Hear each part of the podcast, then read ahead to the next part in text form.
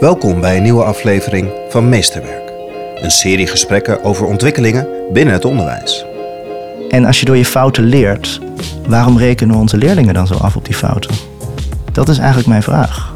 Het vrije schoolonderwijs wil leerlingen in zichzelf brengen, maar ook in de wereld. En de wereld hebben we geordend en we hebben geld. En de vraag is hoe verhoud ik mij daartoe?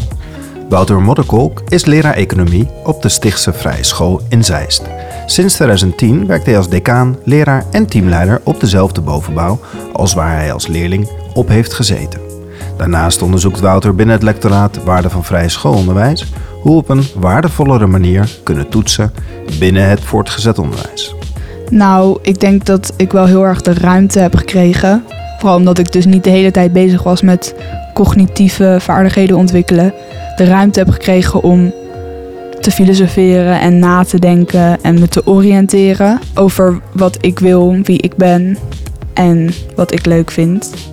In deze aflevering spreek ik naast Wouter ook Ella, een leerling van deze vrije middelbare school in Zeist. Mijn naam is Janja Hubeek. Dit is Meesterwerk. Welkom Wouter in de podcast. Je hebt een gedicht meegenomen. Dankjewel. Ja, dat heb ik. Een gedicht wat mij eigenlijk altijd wel raakt. En uh, het is van Samuel Beckett. En het is eigenlijk heel kort. En ik wil het graag uh, voorlezen. Ever tried, ever failed. No matter. Try again. Fail again. Fail better. En voor mij is dat leren. Leren te falen. Beter falen. Ja? Ja. Wat dan? Door je fouten leer je. Ja, dat is een heel stom gezegde spreekwoord. Maar het is wel zo. Een ezel stoont zich uh, in het algemeen niet twee keer aan dezelfde steen. En als je door je fouten leert, waarom rekenen we onze leerlingen dan zo af op die fouten? Dat is eigenlijk mijn vraag. Waarom moet het allemaal voldoende? Waarom moet je hoge punten halen? En dat, dat lijkt dat meer, meer, dat lijkt in die hele samenleving te zitten op een bepaalde manier. Want als leraar zeg je jongens, dit moet je echt weten, want dit komt tot de toets. Um, je vertelt ze wat goed is, hoe succes eruit ziet. En tegelijkertijd is dat ook iets wat ouders van ons vragen. Mijn kind heeft een onvoldoende. Ik heb bijna nooit een ouder op een ouderavond, uh, op de tafeltjesavond, die tien minuten gesprekjes gehad. Die zegt: Goh, mijn kind heeft een negen gehaald. Uh, hoe kan die beter leren falen? Die vraag heb ik eigenlijk nooit gehad. Het gaat altijd als een vier is gehaald of een drie. En dat is dan niet goed. En dat moet anders. En natuurlijk, je wil een ontwikkeling. En als een ontwikkeling steeds lijkt te, lijkt te staken, ja, dan is het wel goed om te kijken wat moet hier verder. Maar ik heb ook meisjes waar ik me heel veel zorgen om maak, die alsmaar die tien halen en die negens. Waarvan ik denk, leef jij? En, en durf je te falen? En dan heb je faalangst. En dat komt vaak ook door ons systeem wat we in Nederland hebben. En dat is heel erg gericht op de cognitieve, op die cijfers. Op, zoals Bista, dat noemt die kwalificatiecijfers. Alleen het is zoveel meer. Ik, ik zou het zo zonde vinden als leerlingen alleen maar in hun leven achter een computer zitten te leren. Of achter een boek, maar tegenwoordig is het toch echt dat computer geworden. Ik denk van ja, maar leef je. Ga erop uit. Ontwikkel je. Wat vind je mooi? Wat is schoonheid? En dat is ook durf te falen.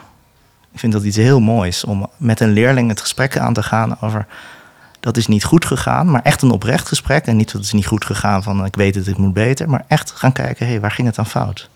Hoe kunnen we leren? En als ik een leerling een 4 teruggeef, dan gebeurt dat niet. Want ik geef ook wel eens een 4. Dan is het niet voldoende. Op basis van de maatstaven van kwalificatie. Maar ik heb wel eens een leerling gezegd: jij mag niet hoger dan een 4 halen. Leer maar eens te falen. Ga dat maar eens doen.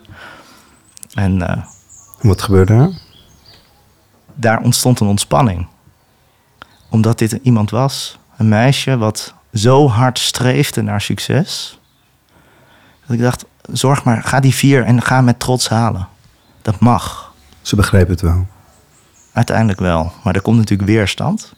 Maar het is denk ik juist die weerstand ook in de vrije schoolpedagogie waardoor iets, uh, iets kan ontstaan.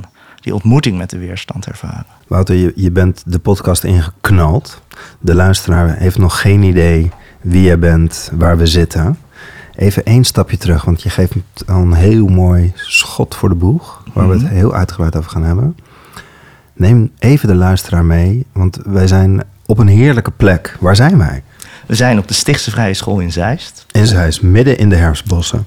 Prachtig mooi. Met de herfstzon zat ik op jou te wachten net, daarbuiten. Met hele vrolijke leerlingen om je heen die allemaal in de podcast wilden vertellen over wat voor fantastische leerkracht jij bent. En je zei tegen iedereen: nee, nee, nee, nee, nee. Wij gaan samen. Wat mij verbaasde. We kunnen ze zo nog even halen hoor. ja. Nee, ja, dit, ja dit, dit is een heerlijke plek. De Stichtse Vrije School. Ik heb daar zelf als leerling op gezeten. Ja? Ja, als middelbare school. Als eh 11-jarige, 12-jarige kwam ik hier. Ben ik eh, na eh, zes jaar onderwijs deze school heb ik weer verlaten. En op een gegeven moment, rond mijn 21ste, kreeg ik een burn-out. Eigenlijk een soort van herbezinningsvraag. Want ik ging mee in de, de, de snelheid van het leven. Met de verwachtingen die het leven soms van je heeft. Of anderen. Ik zou dat echt nog niet eens het leven willen noemen. Tijdens die burn-out, wat echt wel anderhalf jaar heeft geduurd, heb ik me afgevraagd van waar was ik echt eh, thuis? Is die burn-out een soort falen?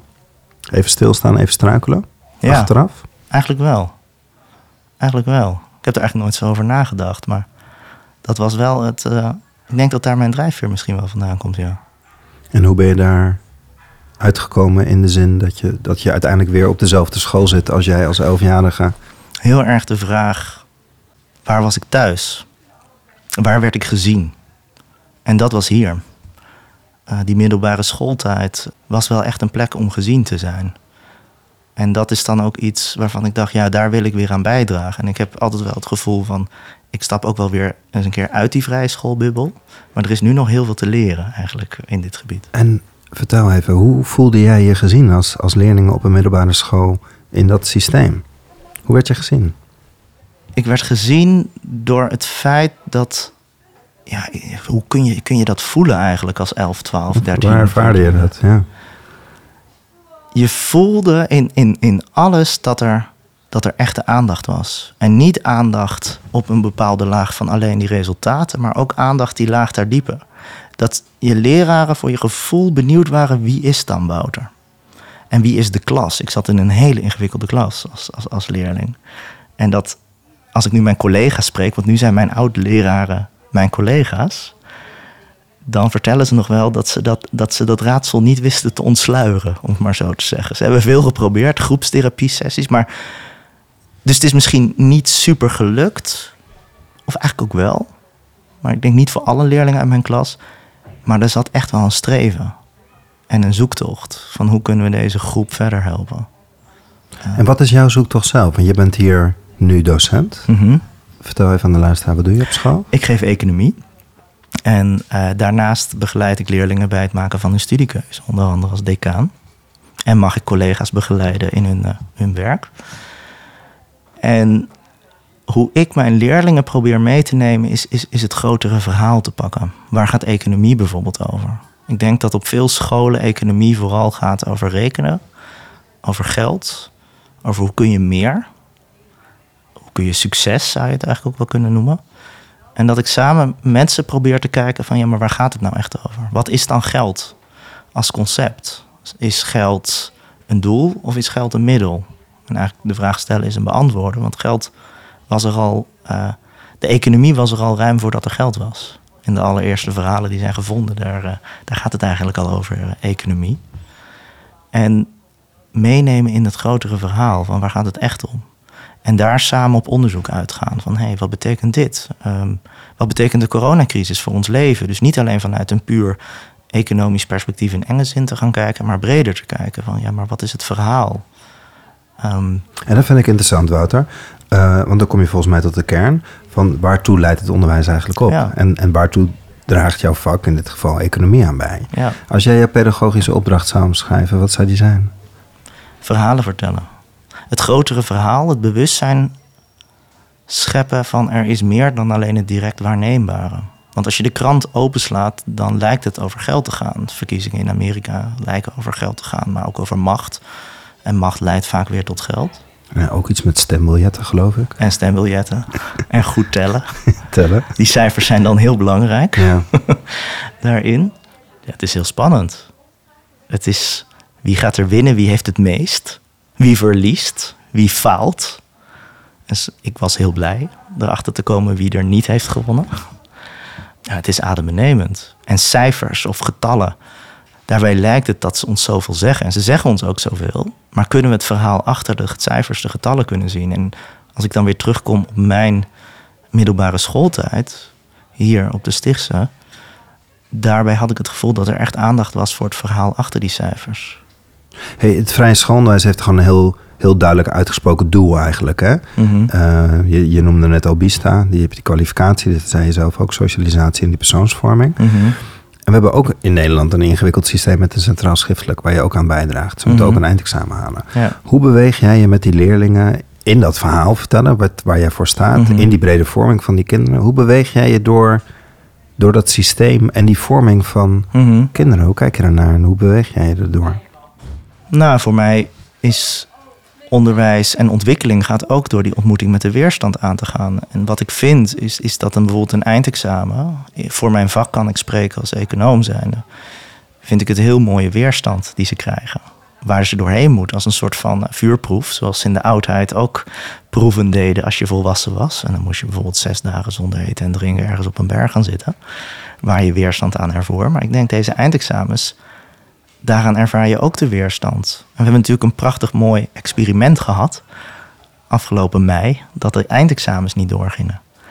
En ik heb echt heel veel leerlingen gesproken die zeiden wat jammer dat het niet doorging, want we hebben ons nu niet kunnen bewijzen. Het is alsof je een toneelstuk aan het voorbereiden bent, je hebt de generale repetitie gehad en dan ineens de opvoering gaat niet meer door. Dat geeft een heel onbevredigend gevoel. Eerste reactie was, oh wat fijn, we hoeven dat niet te doen. We zijn geslaagd. En op een gegeven moment kwam het besef, ja maar hé, hey, we hebben die opvoering niet gehad. Dus ik zie dat eigenlijk ook op die manier. Nu komt er volgende week, hebben wij hier op school een toetsweek. En ik noem het liever een schoolonderzoek, zoals het eigenlijk heet. Want het is ook gewoon een onderzoek. Waar sta je nu? Ook gewoon een stukje weerstand. En aan die weerstand kun je eigenlijk ook concluderen dat iets nog niet lukt. En bijna niemand had een tien. Dus bij iedereen is er altijd wel ergens iets waar het, waar het nog schuurt, waar het wringt. Dus Maar dan duw je toch wel weer iedereen door die hoepel heen en langs die meetlat. En, of zie je dat niet zo? Dat het als een onderdeel wrijving geeft glans. je moet er ook mee leren omgaan. Dus de samenleving is nou eenmaal zo. Eh, ja, als je bij de supermarkt bent, moet je ook in de rij staan. Terwijl je misschien gelijk eh, wil afrekenen. Eh, je moet ook belasting betalen. En misschien doe je dat niet heel graag, maar dat is wel de werkelijkheid zoals die is. Dat is de wereld zoals die is. Dus je zou kunnen zeggen, het vrije schoolonderwijs wil leerlingen in zichzelf brengen, maar ook in de wereld. En de wereld hebben we geordend. En we hebben geld. En de vraag is, hoe verhoud ik mij daartoe? Dus hoe verhoud ik me tot geld? Dat is wat ik ze leer in het vak. Maar ook als ik kijk naar breder in het onderwijs, die kwalificatie die hoort erbij. En dat is denk ik ook iets heel moois waar je aan kan schuren. Maar er is meer. Er is ook je verhouden tot jezelf. En dat kun je natuurlijk per definitie niet examineren. Nee. En, en, en hoe geef je dat vorm dan met je leerlingen? Want je zegt, economie is een middel om naar de wereld te kijken, om naar ons Mhm. maatschappij te kijken, naar onze werkelijkheid te kijken. Hoe geef je dat dan vorm dat je een, een leerling daarin zichzelf leert spiegelen en om zich heen kijkt en verwonderd in de wereld ziet kijken? Hoe doe je dat? Door ze uit te nodigen om een mening te leren vormen. Hoe doe je dat? Bij mij moeten mijn leerlingen essays schrijven. Een standpunt bepalen. Ik schrijf boeken voor. Van, ik zeg, ik wil dat je dit boek leest en dat boek. En ga die twee boeken nou eens met elkaar in verband brengen. En nog een, een derde variabele. Iets wat je raakt. Misschien het verhaal van je buurman die werkloos is geworden. In de economische crisis. Of eh, iets anders. En breng die twee verhalen met elkaar in verband. En, en zet je daartoe er uiteen. Probeer een oordeel te vormen. Maar echt een oordeel op basis van niet alleen dat onderbuik. Maar ook op basis van gefundeerde kennis eigenlijk bijna. En dan kun je ook verder komen. Ik wil niet alleen dat leerlingen leren nadenken. Nadenken gaat over het verleden. Kennis gaat ook over het verleden. Maar ook ja, leren voordenken. Dus weer verder gaan. Kunnen we weer een stap verder gaan? Kan ik op basis van mijn nadenken weer tot iets nieuws komen? En voor mij is dat kunstzinnig onderwijs. Op de vrije school kennen we vaak van de algemene typeringen van, van mooie tekeningen. En alle hoekjes zijn overal vanaf ge- gezaagd. Hier ook van deze houten tafel. Dat is mooi abgeëkt Rond. rond. Dat, dat, dat doet wat met je. We hebben ook veel kunstvakken, veel zingen. Maar voor mij is dit ook kunstzinnig. door een oordeel te vormen, echt een oordeel. En ik heb wel eens met collega-economiedocenten van andere scholen gesproken van ja, maar hoe beoordeel je dat dan? En hoe becijfer je dat? En ik doe dat wel, want ik becijfer het, want ik wil dat ze een. Ik wil ze waarderen, ook in het schoolexamen. Dus het is voor mij ook een belangrijk schoolonderzoek, dat essay. Maar dat is, gaat eigenlijk heel holistisch, ook in dialoog met de leerling. En die leerling weet donders goed of hij een goed verhaal heeft geschreven, ja of nee, en waar dat dan in zit. Vertel, vertel, neem me mee. Nou, wat we doen is, ik laat de leerling het essay schrijven. Daar krijgen ze lang de tijd voor. We gaan samen een boek lezen. Want hoe lees je een boek? Dat is ook iets ingewikkelds. Dat kunnen we heel statisch doen, zoals Arjen Lubach ook wel in zijn uh, uitzending over begrijpend lezen ter sprake, ter tafel bracht. Dus we gaan samen lezen en we gaan kijken wat, wat spreek je aan, wat vind je mooi, wat raakt je, wat puzzelt je. Dat doen we en vervolgens gaan ze schrijven en herschrijven en ze komen gefrustreerd bij me. En als ik zie dat ze gefrustreerd zijn van het lukt me niet, dan weet ik hier gebeurt wat. Die frustratie hoort er ook dan wel bij. En als ze dan eenmaal dat essay hebben ingeleverd, dan laat ik ze een maand laat ik dat essay met rust. En vervolgens na dat maand krijgen ze hun essay weer terug. Ik heb er zelf nog niet naar gekeken. En moeten ze gaan beschrijven aan de hand van de eisen die ik ze van tevoren heb gesteld. Want ik ben best wel streng in de eisen. Laat ik ze per indicator, per doel beschrijven. Beschrijf in welke mate het je is gelukt om de literatuur met elkaar in verband te brengen of een standpunt te beschrijven. Dus heel erg waarderend. Ze moeten op een waarderende manier naar het eigen werk gaan kijken. En nog de laatste vraag is van, goh, wat zou je een andere keer anders doen? Maar niet vanuit een negatieve spiraal of vanuit een ophemelende manier. Laat ik ze daar naar kijken. En vervolgens bekijk ik hun werken. Doe ik eigenlijk hetzelfde. Ik heb de, werk, de antwoorden van de leerlingen nog niet gelezen en dan breng ik ze samen. En dan ga ik kijken wat spreekt hieruit. Wat is hier overeenkomstig? Op basis daarvan komen we in de dialoog tot een beoordeling. En dat leidt uiteindelijk wel tot een cijfer. Gewoon een cijfer. Ja, maar ook een geschreven stuk. En wat mij steeds opvalt, ik geef het ze dan terug. Mijn geschreven stuk en dat cijfer. En de gesprekken die ik dan in die les heb als ik ze teruggeef, die gaan over wat ik heb geschreven. En niet over dat cijfer. Ik heb eigenlijk nooit een leerling bij me gehad die zei: Ik wil, waarom heb ik een 6, ik wil een 7. Daar gaat het gesprek niet in. Maar van goh, ik begrijp deze feedback niet. Dus wat ik ze daarmee probeer te doen, is ze meenemen ook in mijn verhaal. In mijn intentie eigenlijk van die opdracht. Wat wil ik dat ze doen? En is ze dat gelukt? En daar zelf naar laten kijken. En wat ik daarin merk, is dat die leerlingen geconfronteerd worden met hun eigen schrijven. Dat is soms best confronterend om je eigen werk terug te lezen. Ik denk dat we dat te weinig doen.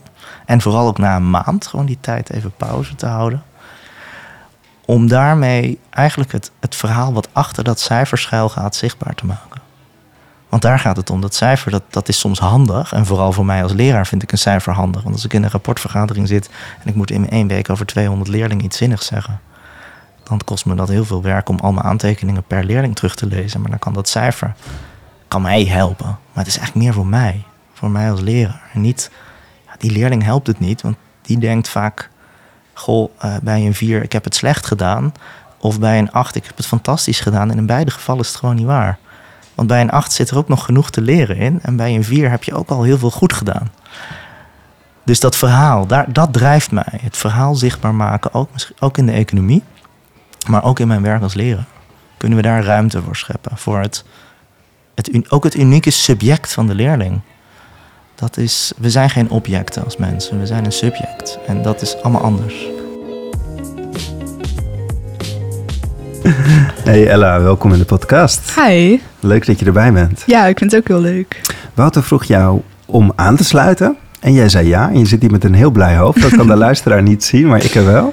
Waarom vond je het leuk om te praten over eigenlijk de docentschap of meesterschap, zoals hij dat zelf noemt, van Wouter? Nou, omdat ik vind best wel belangrijk onderwijs, zeg maar.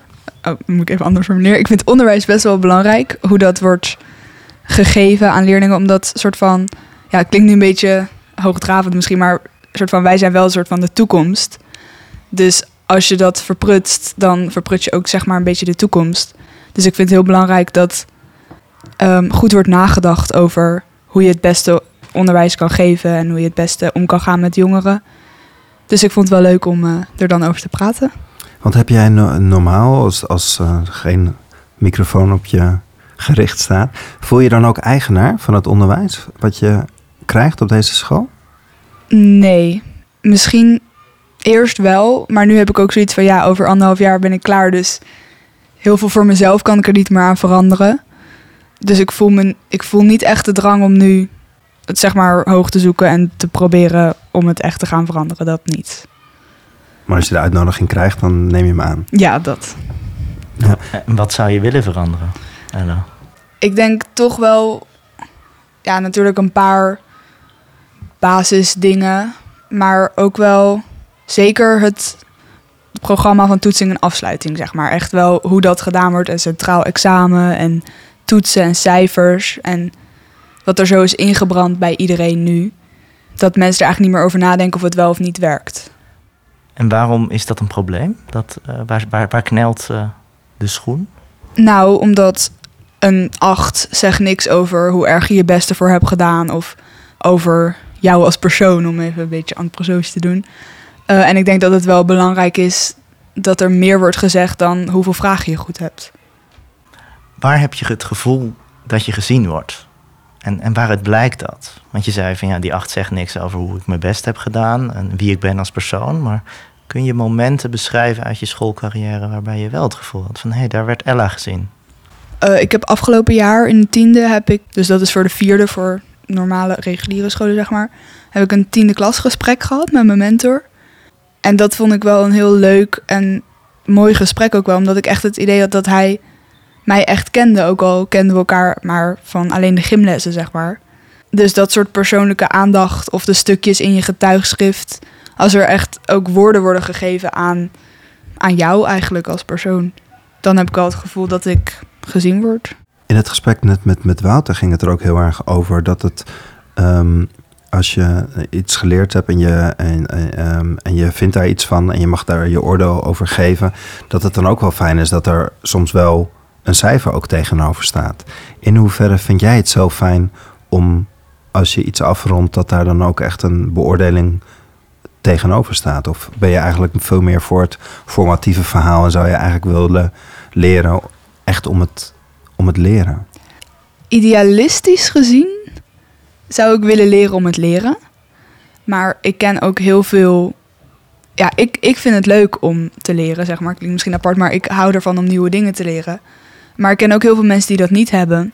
En ik denk dat die dan heel weinig motivatie hebben om te gaan leren voor een toets. als ze toch alleen maar een woordje krijgen, zeg maar. Maar dat ligt misschien ook aan het erin gebrande systeem. Van dat je pas leert voor iets als je er een cijfer voor krijgt, omdat je goed cijfer halen.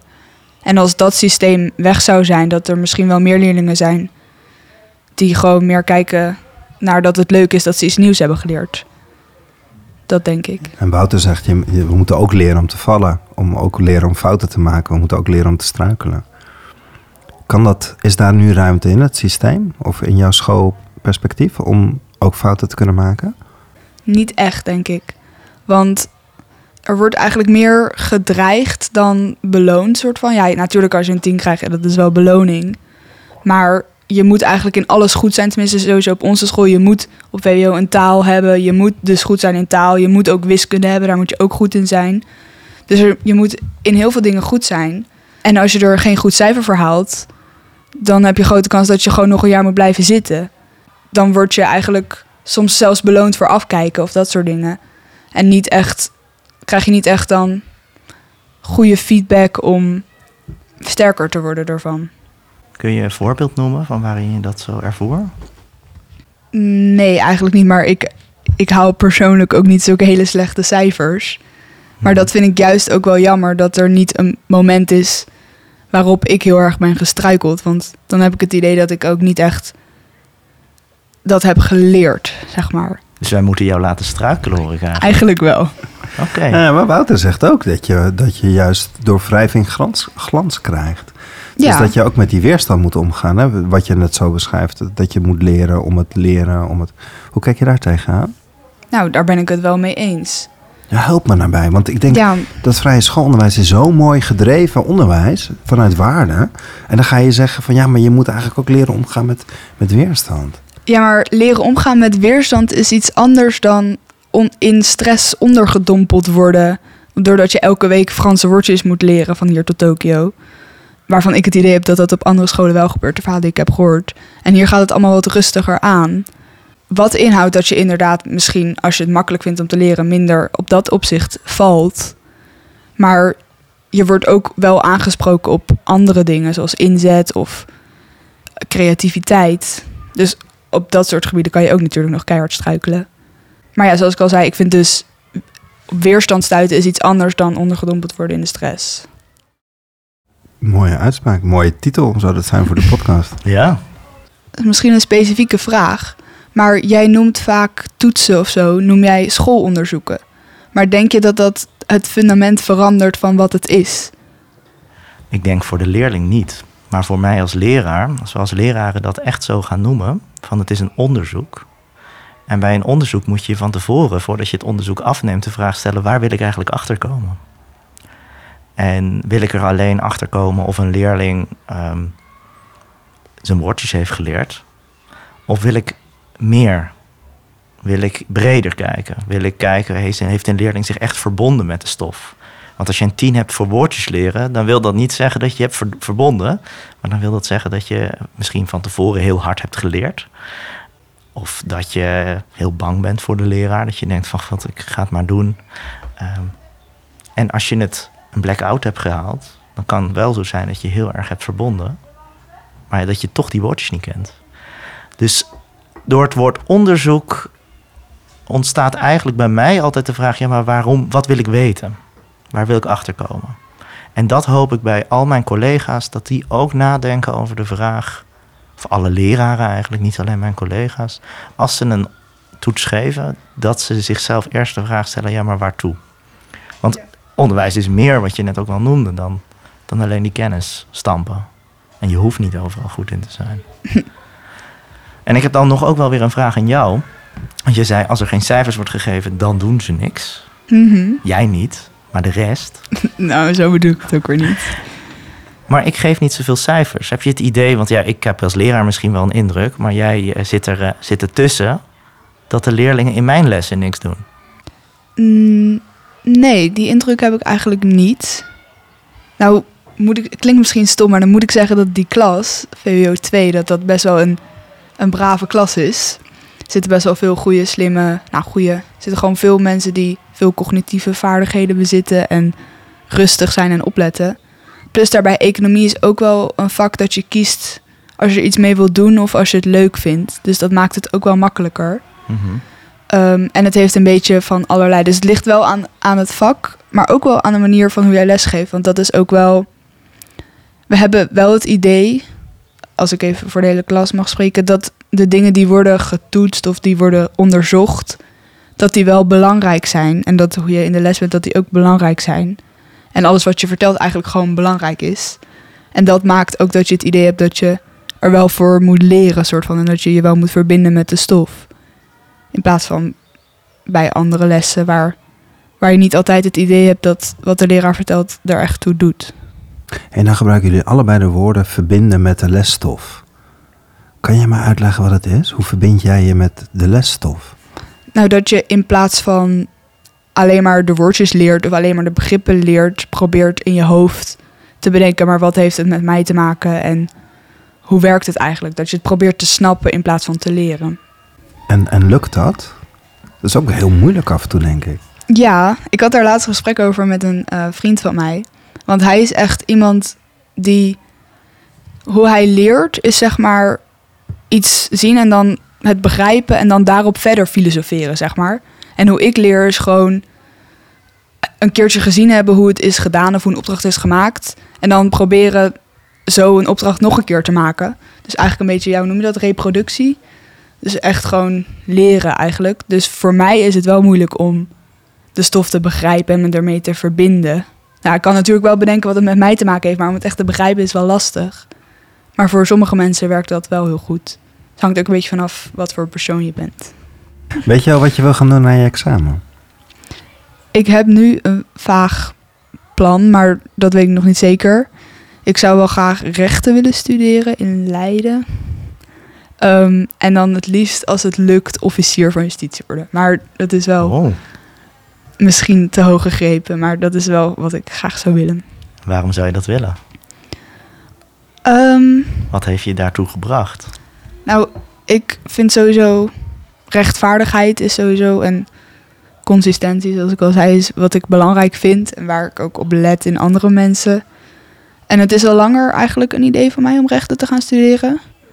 Ehm, en dan lijkt het me, ondanks dat ik denk dat ik het wel zou kunnen om misdadigers te verdedigen, denk ik toch om mijn gevoel voor rechtvaardigheid zou dan toch zeggen, ik wil liever dan de misdadigers aanklagen dan verdedigen.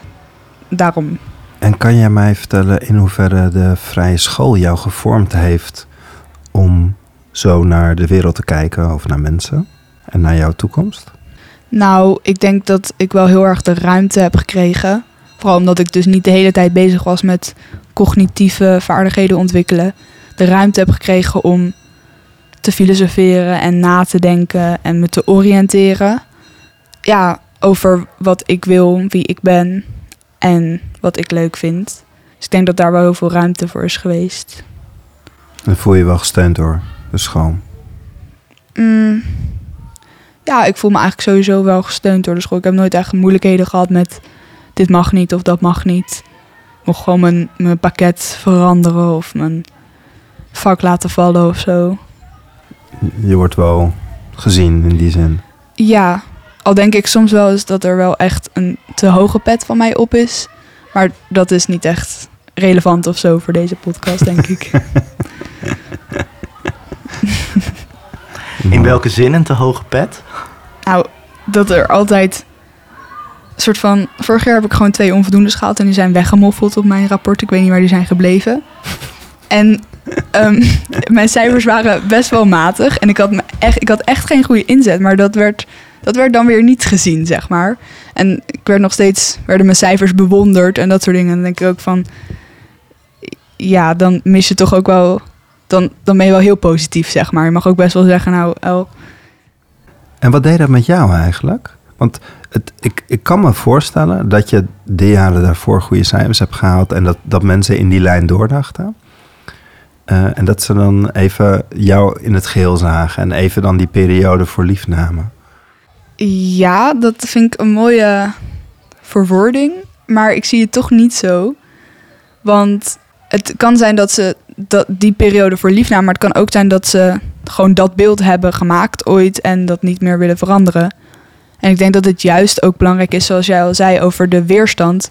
Dat het ook belangrijk is om in de kleine dingetjes toch dan tegen mij bijvoorbeeld ook te zeggen van... nou, je moet even wat beter je best doen. Want dat motiveert mij ook meer om dan beter mijn best te gaan doen. Je had eigenlijk liever die onvoldoende gewoon heel hard op je rapport gehad Ja. dan dat hij er echt helemaal valt. Uit Ja. vertrouwen. Ja, Ja, Mooi. mooi. Want ik zag hem ook bij jou. Maar ik dacht, ja, ik vind het juist goed dat je nu even geen motivatie hebt. Dat het mag ook. ja dat is waar. Maar inderdaad, gewoon die vier erop zetten. Ja, Ja. En wel het gesprek aangaan. Of alleen die vier en hier alleen vier. Nou dat hangt vanaf per persoon. Als, als ze sowieso al een goede band hebben of zo, of als ze sowieso veel bespreken, ja, dan is het een beetje apart om alleen die vier neer te zetten. Mhm. Maar als je alleen maar, als we nooit echt een band hadden, ja, dan, dan zou ik zeggen, zet gewoon die vier erop en dan weet ik dat ik beter mijn best moet doen.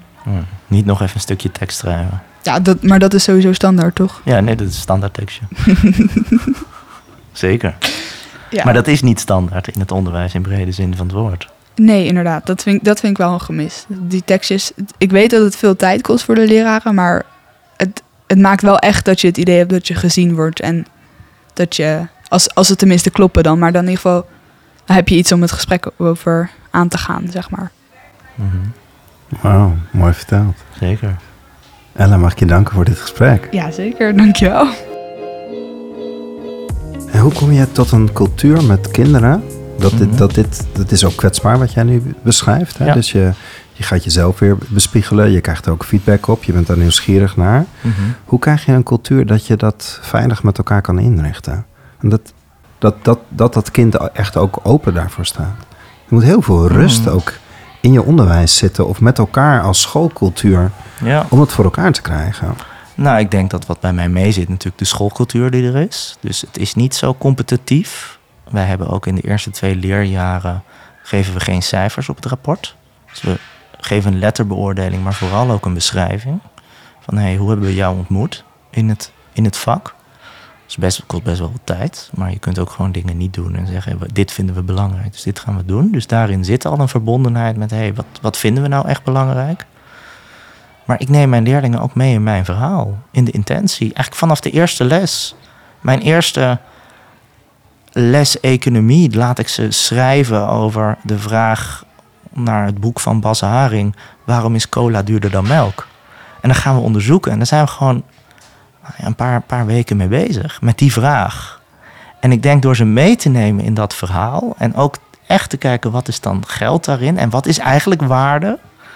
Want je hebt verschillende soorten waarde. Door er echt de tijd voor te nemen, komt er die cultuur. En gek genoeg leidt dat uiteindelijk tot versnelling in dat eindexamenjaar. Want ze gaan het sneller oppikken. Ja, dat zie je echt? Ja.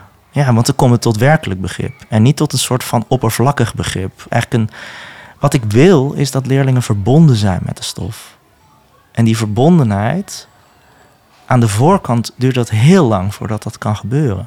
Leerlingen moeten allereerst ook verbonden zijn met jou als leraar. En denken van, hé, hey, hier worden we blij van. Ik eh, probeer mijn enthousiasme ook altijd, ook al ben ik niet altijd enthousiast. Ik hoop niet dat leerlingen deze podcast luisteren. Ik, heb natuurlijk ook, ik ben ook een mens die naar de Albert Heijn gaat en zijn boodschappen doet.